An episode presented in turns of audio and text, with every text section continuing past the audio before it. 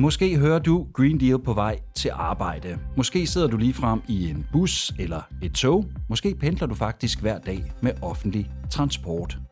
Mens du sidder der, så tænk lige over det her. Transport det udgør i gennemsnit en fjerdedel af drivhusgasemissionerne i EU. Vejtransport tager den største andel på omkring 70 procent, og ud over det, så skaber vejtransporten andre forurenende partikler, som vi indånder hver dag. I EU der har medlemslandene forpligtet hinanden til at reducere emissioner fra trafikken med 90 procent inden 2050. Hvis vi skal i mål med det, så kræver det bedre og grønnere offentlig transport, og det kræver, at vi kan flytte pendlere fra private køretøjer over til den offentlige transport. For det meste kører jeg i bil øh, fra videre. Hvad er grunden til, at du bruger bilen? Det tager mig dobbelt så lang tid, fordi jeg skal skifte flere gange for at komme herud med offentlig transport. Og hvis nu offentlig transport var gratis, f.eks. i Storkøbenhavn, ville det ændre dine vaner? Det vil da i hvert fald være en, en, en faktor, jeg vil tage med i mine overvejelser i forhold til, hvad, hvor lang tid det tager. Vi kommer altså ikke uden om at tale om offentlig transport, hvis vi skal reducere vores CO2-udslip. Så hvordan skaber vi bedre, grønnere og måske endda billigere offentlig transport? Hvordan får vi flere til at bruge den offentlige transport? Og er det en løsning at indføre gratis offentlig transport? Du lytter til Green Deal-podcasten, hvor vi stiller skarp på den grønne omstilling i Danmark og resten af EU. Det gør vi i samarbejde med kolleger fra det europæiske radionetværk Euronet+. Plus. Jeg hedder Tu Sørensen. Velkommen til. Der skal også lyde et velkommen til denne episodes gæst, Jeppe Jul, seniorrådgiver for klima og transport i Rådet for Grøn Omstilling. Velkommen til, Jeppe. Mange tak. Hvordan har du egentlig øh, transporteret dig herhen til studiet i dag? Altså lige i dag, så har jeg jo gået fra mit kontor og herhen, men øh, for at komme ind på kontoret i dag, så har jeg cyklet og taget toget. Så øh, er det fordi kontoret ligger øh, tæt på, hvor du bor, og også tæt her på studiet, at øh, du kan tage løsning, cykel og gå? Det er fordi, at øh, jeg bor på Midtjylland øh, og skulle til København. Øh, og der, hvor jeg bor, så er det hurtigste faktisk at tage toget øh, herind. Hvis det står til EU, så skal alle nye bybusser i 2030 være øh, såkaldte nul-emission-busser. Som det er i dag, så kører halvdelen af de offentlige bybusser på øh, verdensplan på el, og i øh, vores hovedstad her hjemme i København, der er det meste af byen dækket af offentlig transport, som også kører på el. Det skorter altså ikke på initiativer og idéer til en grønnere offentlig transport, men mange mennesker, de pendler stadig i bil. Jeppe, hvor langt synes du, vi er med den øh, grønne omstilling af den offentlige transport i Danmark? Der er vi ret langt. Øh, man kan sige, bybusserne, der går det rigtig godt, og det gør det jo dels fordi, at kommunerne er gået forrest, men i særdeleshed også fordi, at det faktisk er blevet billigere at køre med elbusser, øh, end at køre med dieselbusser. Så el er nu i mange udbud, øh, som det offentlige laver, faktisk billigere end diesel. Øh, og det er lidt et mønster, vi, vi ser i det hele taget. Når først vi kommer lidt hen af det, så bliver det faktisk billigere end det fossile, det normale fossile transportform. Og hvilke udfordringer, hvis der er nogen, er der for, at vi kan nå endnu længere med den? Man kan sige, at der er nogle ting, som er udfordringer af mere praktiske grunde. Øh, så vi har jo ikke elektrificeret hele jernbanen endnu, men der er lagt planer, der er skaffet finansieringen til det, og det betyder jo, selvom at der stadig kører dieselelektriske tog for eksempel i Danmark, så når vi når frem til 2030, så vil jernbanen også være elektrificeret. Øh, og samtidig så vil praktisk talt alle øh, bybusser også være omstillet. Og vi er også formentlig startet på, på de længere busruter, når vi når dertil. Og det vil sige, at en meget stor del af den offentlige transport vil være omstillet. Og hvis jeg lige skal tage et lidt mere utraditionelt ting med, øh, som også er en form for kollektiv transport, øh, flyvning, så ser det jo også ud til, at øh, vi får omstillet al indrigsflyvning inden 2030. Og hvis alt det her øh, det øh, sker inden for en overskuelig fremtid, øh, hvor langt mener du så, at vi med det kan komme, altså i det hele taget med offentlig transport i forhold til at nedbringe de skadelige emissioner? Offentlig transport gør den grønne omstilling markant lettere, og det vil sige, jo mere vi kan flytte over i den kollektive transport, og jo mere vi også kan flytte over på rubrødsmotoren i form af cykler for eksempel og gåning, øh, så bliver opgaven nemmere. Men vi kommer ikke udenom, at øh, den offentlige transport kan ikke levere til det hele. Og det er jo derfor, det også er vigtigt at omstille personbiler og varebiler og lastbiler, fordi at vi kommer ikke i mål, hvis vi udelukkende fokuserer på, at alle folk skal til offentlig transport, fordi det vil være dumt, og det vil være dyrt. Og det er derfor, at elektrificeringen af resten af vejtransporten også er helt afgørende. Tør du sætte et tal på, fordi lige nu hedder det en fjerdedel af alle drivhusgasemissioner, der kommer fra transport, og så er jeg med på, at det noget af også privat transport og øh, godstransport og alt muligt andet. Men hvis den offentlige transport den bliver så grøn, som vi kan gøre den, hvor meget øh, vil det så kunne trække ned? Desværre ikke super meget. Øh, og det er jo også derfor, at sådan nogen som os i Rådet for Grøn Omstilling fokuserer rigtig meget på blandt andet EU-regulering, der skal sørge for, at vi hurtigere får flere elbiler og elvarebiler og også ellastbiler. Øh, og det går heldigvis også godt. Så, øh, så selvom at det kollektive øh, ikke leverer det hele, og, og resten leverer en ret stor del, øh, så går det alligevel ikke så skidt, øh, fordi at vi kan heldigvis også omstille både personbiler og andre køretøjer. Og det er også en uh, diskussion, vi skal have, mener uh, Neringa Dabuaskini, som er lektor ved uh, Fakultetet for Elektricitet og Elektronik på Kaunas Tekniske Universitet i Litauen. Til vores kolleger på Sinjo Rajas, der siger hun, at selv en offentlig transport på el jo ikke er helt miljøvenlig fordi den også skaber CO2. Det gør den bare et andet sted. Det kunne for eksempel være i produktionen af batterier. Er el, strøm, er det den hellige gral for en grønnere offentlig transport? Ja, det, det handler ikke kun om, at vi skal omstille den offentlige transport, vi skal omstille hele samfundet. Og man kan sige, at den helt overordnede øvelse, det er jo at øh, erstatte den energi, vi får fra fossile kilder i dag, som olie, gas og kul, øh, med vedvarende energi. Og det der udfordringen, det er, at biobrændstoffer, som vi har brugt hidtil, det kan kun levere meget lidt, og meget af det skader næsten mere, end, end det gavner, øh, og de gode mængder, de er ret begrænset. Så det eneste, vi kan skalere bæredygtig energiproduktion, det er grøn strøm.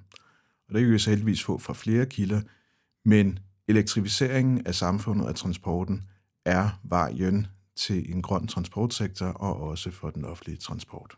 Det er hele samfundet, der skal omstilles, ikke? Og, øh, og man kan sige, når først man kører på, når bussen først kører på strøm, så er det klart, at kører den på kulstrøm, så fungerer det jo heller ikke. Men det er derfor, at det er nødvendigt, at vi får betydelige mængder vedvarende energi ind fra vindmøller og solceller, fordi vi skal bruge den, og det er også fordi, at vi har et enormt energiforbrug i dag, som vi skal erstatte det fossile forbrug, og derfor skal vi virkelig mange doble vores forbrug af strøm. Jeppe, du nævner biobrændsel. Øhm, hvorfor er det ikke en, øh, en god grøn løsning? Det er fordi, at bruger vi biobrændstoffer, som øh, er baseret på foder og fødevarer, så optager de arealer af dyrkbar landbrugsjord. Bruger man for eksempel en mark til at dyrke rapsolie til biodiesel, så skal det, der tidligere var på marken, det skal så produceres et andet sted i verden. Og fødevaremarkedet, det er et globalt marked, og det betyder i praksis, at de steder, hvor der så bliver ryddet nye arealer for at dyrke, eller for at lave landbrugsjord og dyrke de her afgrøder, det vil typisk være omkring ekvator, det vil typisk være i tæt på regnskove, mangrovesumpe og andre steder. Og derved så er der en ganske betydelig negativ klimabelastning ved at ændre anvendelsen af arealet. Så det er det, vi kalder første generations biobrændstoffer.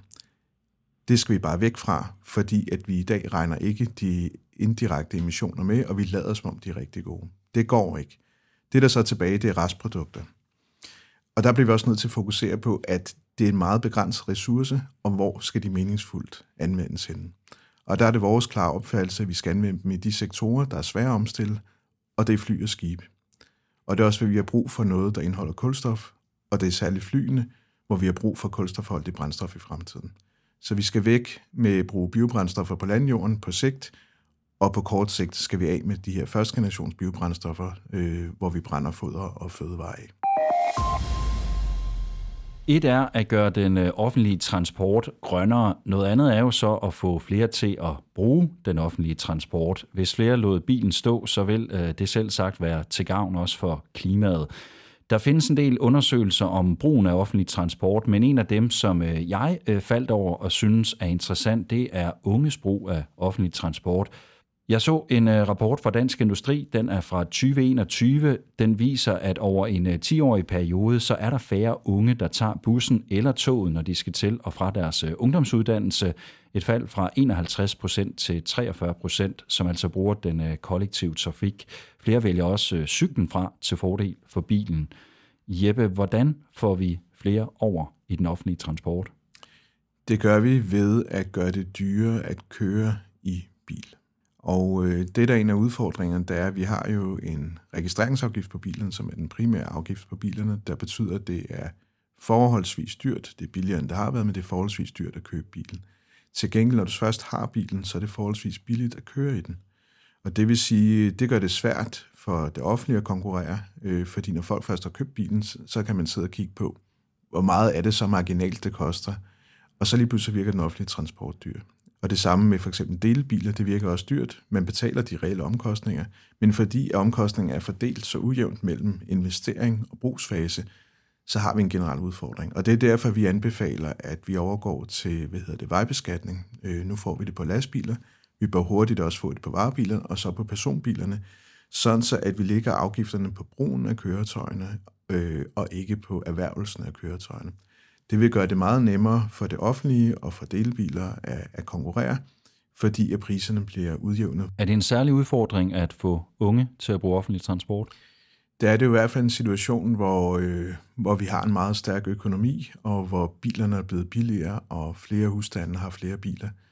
Det, det er blevet fornemt at, at, at have to biler. Det er blevet fornemt at lige at låne noget af mor og far. Og faciliterer man det så købet ved at udbygge parkeringspladserne ved gymnasier og andre ungdomsuddannelser, øh, så går det jo bare den vej. Vi vil alle sammen gerne have det nemt. Vi vil gerne have, at det går hurtigt. Øh, og der har været en generel udvikling i samfundet, som betyder, at det har været en hjælp for at få flere biler. Og øh, er det vigtigt, som jeg jo et eller andet sted påstod lige før, at øh, få unge til at bruge mere offentlig transport, fordi det jo er fremtidens bruger af den? Ja, det er det. Mange unge, de vil jo typisk øh, flokkes omkring de store byer, øh, hvor, hvor vi ikke har brug for flere biler, blandt andet fordi der ikke er plads, og selvfølgelig også på grund af forureningen. Og der er jo så nogen, der foretrækker altid at bruge øh, private øh, transportmidler, og sådan er det. Men vi skal jo gøre det så nemt som muligt at øh, bruge de transportformer, som øh, er mest øh, miljø- og klimavenlige, og som også fylder mindst øh, på vejarealer. Vi øh, tog ud og besøgte et parkeringshus i øh, Ørestaden i København en tilfældig hverdag for at spørge pendlere, hvorfor de stadig pendler i deres bil, og øh, hvad der måske kunne få dem til at bruge offentlig transport. Prøv lige at lytte med her. Jeg bruger bil næsten hver eneste dag. Jeg er lidt malig nok og, og tænker, det, det er for nemt at sætte sig ind i bilen og så bare køre. Hvad, hvad kunne få dig over i den offentlige transport? Det er et godt spørgsmål. Det er ikke prisen. Det skulle være lidt nemmere. Jamen, jeg kører i bil hver morgen. Og hvad er grunden til, at du bruger bil? Primært er det er behageligt, øh, men sekundært også at transporten, offentlig transport, hvor jeg bor, den er ikke særlig god. Så det er mest bekvemmelighed i princippet. Det kan godt være, at det er sådan en mindset, at man lige skal, man skal ændre op i hovedet. Det kan, det kan godt være. Nu bor jeg så et sted, hvor, det, hvor den ligesom er kortet af, kan man sige, hvor der ikke er noget metro, der er kun øh, busser, og øh, de, er ikke, de er ikke altid super godt forbundne til, til resten af, af netværket. Så det er øh, en forbedring af det, øh, vil jeg sige, der, der er det primære. Prisen er ikke afgørende. Selvfølgelig er der også noget med prisen, og hvis det var gratis, det bliver det nok aldrig, men hvis det var det, så, så vil jeg nok tage det offentligt, det tror jeg. Hvad siger du til det, vi hørte her? Er det sådan de typiske forklaringer, vi hører fra pendlere, der stadig bruger bilen? Ja, jeg synes faktisk, det giver et meget godt øh, indtryk af det. Der er jo lidt forskel på den sidste og de to andre. Den sidste siger, at hvis det var gratis, ville han gøre det. Men det erfaringerne viser fra de steder, man har gjort det, det er, at det vil folk faktisk ikke. Og det er fordi, at som de første, øh, I havde med her, siger, så er der også nogle andre ting, end bare hvad der er billigst. Det betyder faktisk rigtig meget for mange mennesker, at man kan sidde i sine egne tanker, man kan sidde og lave telefonopkald, man kan høre den musik, man har lyst til, og man behøver ikke nødvendigvis at sidde øh, sammen med andre mennesker. Så derfor så er der mange ting på spil, og de forsøg, større forsøg, der er lavet, der viser det sig bare, at det rykker meget lidt. Og særligt hvis man gør det i byerne, øh, så rykker det folk væk fra at cykle og gå. Øh, og det er jo faktisk heller ikke meningsfuldt. Øh, så der, hvor vi har brug for at gøre det billigere, det er primært på, på de lange stræk, øh, hvor det også tidsmæssigt giver mere mening. Og så noget af det, de er inde på, det er jo også det der med, at det skal være nemt. Så det, som øh, man også i, hos busselskaberne for eksempel har fokus på i mange år, det er organisere transporten, sådan så at man skal tænke så lidt som muligt. Og det har blandt andet ført til, de er meget høje frekvente busruter, hvor man ikke skal tænke på, hvad minuttal kommer den, fordi de kommer hver andet tredje minut. Og det, er bare, det gør en kæmpe forskel, fordi at vi har mange ting i vores hoveder. Der skal hentes børn, der skal handles ind, og der er ting med arbejde, der er alle ting hele tiden. Så det skal være nemt, og det er simpelt. Og nogle af de der ting, det lover jeg, det skal vi nok øh, dykke lidt ned i. Milano. Zagreb. Bruxelles. Sofia. Riga. Vores kolleger i Euronet Plus-netværket har øh, også talt med en øh, række aktører og øh, eksperter, som øh, peger på øh, de forskellige udfordringer for den offentlige transport. Og øh, dem vil jeg selvfølgelig også gerne øh, hø- høre øh, dit besøg på, øh, Jeppe Juhl. Kuku Radio i Estland har talt med Krista Campus, der er direktør for European Green Capital 2023 i Tallinn. äh, Der er stadig udfordringer med tilgængelighed, og der skal skabes bedre og hyppigere forbindelser, lyder det. Og det er jo også noget, vi øh, lige har hørt fra pendlerne her. Vi har også øh, ofte hørt det fra de pendlere, der bor i udkantskommuner i øh, Danmark, at der ikke er nok afgange, og nettet af offentlige transportforbindelser hænger simpelthen ikke godt nok sammen. Er du enig? Og øh, i så fald, hvad kan vi så gøre ved det? Jeg er delvist enig, men i Danmark så har vi jo faktisk en meget fleksibel tilgang til den offentlige transport, når det kommer til yderområderne. Og det er jo det, som vi kender som flekstrafik. Og det er jo de steder, hvor det ikke gør mening at have en fast rute. Så kan man simpelthen ringe og bestille og få bragt til for eksempel nærmeste station. Og det mener jeg, at på mange måder den rigtige vej frem. Vi har brug for de der ting, der binder øh, hvad hedder det, det offentlige system sammen, særligt i de områder, hvor det bare ikke giver mening, hverken økonomisk eller klimamæssigt at etablere for eksempel busløsninger. Så flekstrafik, klart vejen frem i de her områder. Øh, og så er der jo bare steder i Danmark, hvor, hvor hvis man bosætter sig der, så giver det bare ikke mening at etablere offentlig transport. I Tyskland der har vores kolleger fra AMS talt med øh, Frank Nigemeyer, som er direktør for øh, Bahn Monheim, hedder det, som er et af, af mange trafikselskaber, der er i, øh, i Tyskland. Wir haben mittlerweile 92,5 Prozent der Bürger, han peger på, at et af problemerne med at forbedre den offentlige transport er, at det ofte er op til lokale beslutninger og løsninger at gøre det, og at offentlig transport er dyrt. Jeppe, er offentlig transport dyrt? Ja, det er dyrt. Øh, og det er jo også derfor, at vi som samfund betaler ret meget for at have den kollektive transport i det hele taget. Og man kan sige, det er jo så også en stor fordel for for, for eksempel privatbilismen, fordi hvis man flyttede alle de mennesker, som kører tog ud på vejene, så vil der heller ikke være plads på vejene. Så vi har brug for det af mange grunde, også fordi der er mange, der ikke kan køre bil eller har mulighed for det, eller har råd til det. Så vi har i høj grad brug for den kollektive transport. Øh, og derfor er det jo vigtigt at sikre, at den fungerer så optimalt som muligt og er tilgængelig for så mange som muligt. Er der også en pointe i det her med, øh, at det er op til lokale beslutninger? Herhjemme, der har vi det jo opdelt sådan lidt groft sagt, at kommunerne de står for bybusser, regionerne står for rutebiler, staten de driver jernbaner osv. Ikke? Er der en, en pointe i den måde at strukturere det på, som øh, måske også kunne gøre, at vi kunne gøre noget andet, hvis ikke vi gjorde det? Ja, altså det er jo en kompliceret affære. En af grunden til, at det er meningsfuldt, at kommunerne er inde over, det er jo, fordi de kender de institutioner, der skal betjenes, øh, skoler, uddannelse og alle mulige andre ting. Så mange af de her lokale busruter, det kræver bare et stort lokalkendskab, hvor alting skal flaske sig. Det kan jo være, at øh, hvornår man møder ind i skolen skal ændres, hvis øh, bussen ikke kan være der og den slags. Men det er kompliceret, og man kan sige, særligt i hovedstadsområdet, øh, så kunne vi godt bruge en større grad af koordinering, fordi at der er mange aktører indover. Ja, jeg tror ikke, jeg siger for meget, når jeg siger, at det er en mere almen opfattelse, at det vil være godt med en stærkere koordinering. Så man kunne godt have, at øh, beslutningerne og økonomien og så videre lå et sted, men derfor kunne man jo godt have en kommune til at drive selve øh, ja, bybusserne i en given kommune der er jo brug for betydelig grad af lokal inddragelse i hvert fald, øh, men samlet set i forhold til organiseringen er der brug for en centralisering. Vi skal også en tur til Bulgarien, hvor øh, BNR har mødt Emil Jankov, der er trafikekspert i øh, The European Center for Transport Policies.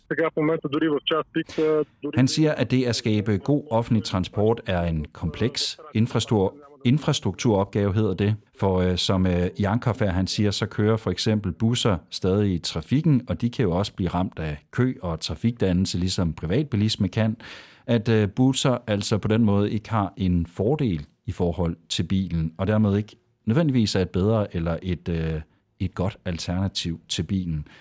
Er det en øh, realistisk tanke at øh, indrette den trafikale infrastruktur således, at den øh, offentlige transport har nemmere ved at komme frem. For eksempel et øh, udbredt netværk af vejbaner, hvor det kun er busser, der må køre. Helt sikkert. Øh, og det er jo meget meningsfuldt af flere grunde, men en af de vigtigste grunde, det er jo, at vejarealet i byerne er begrænset.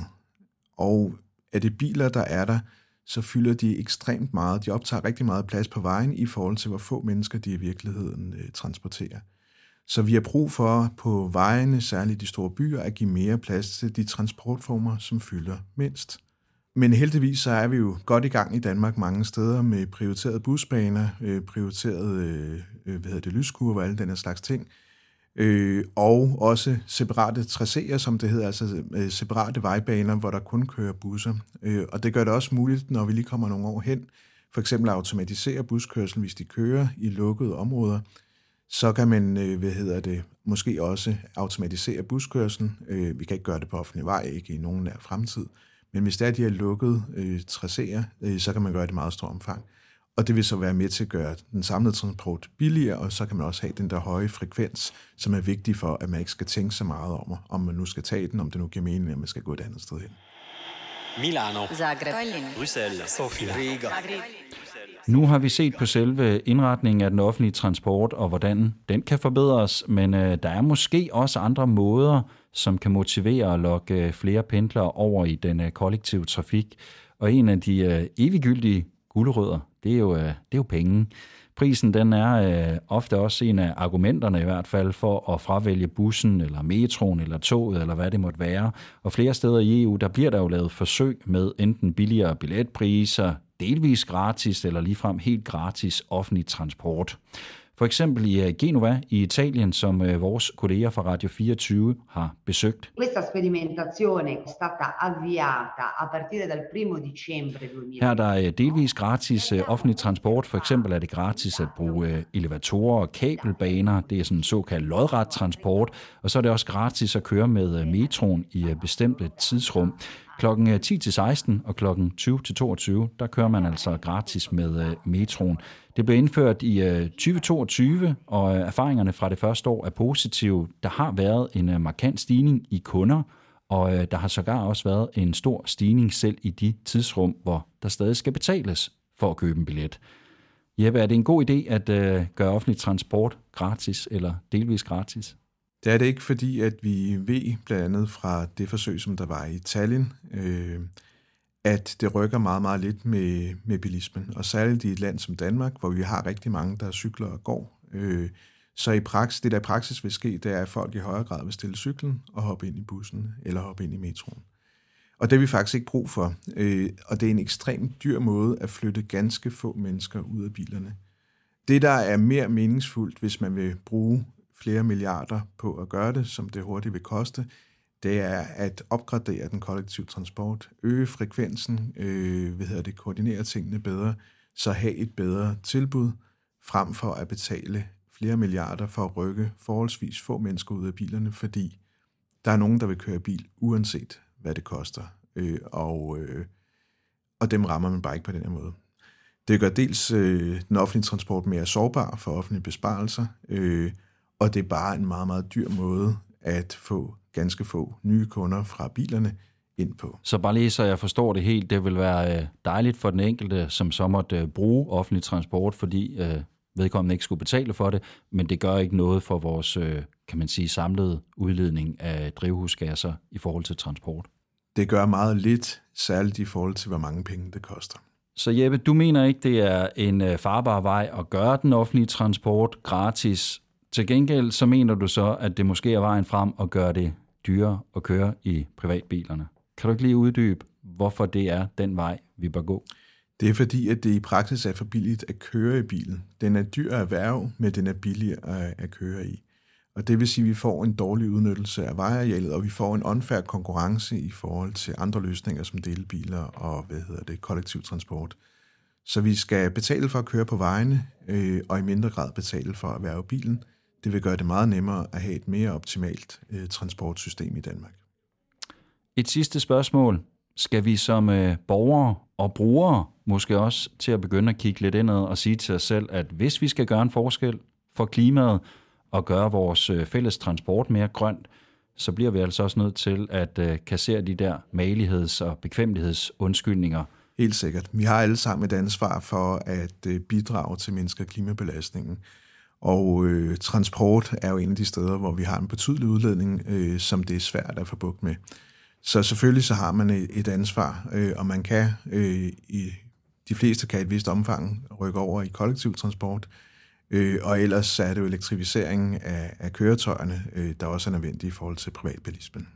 Vi øh, træder så at sige på bremsen her, men en, øh, en blid opbremsning og øh, sætter et punktum for snakken her. Jeppe Juhl, seniorrådgiver for Klima og Transport i Rådet for Grøn Omstilling.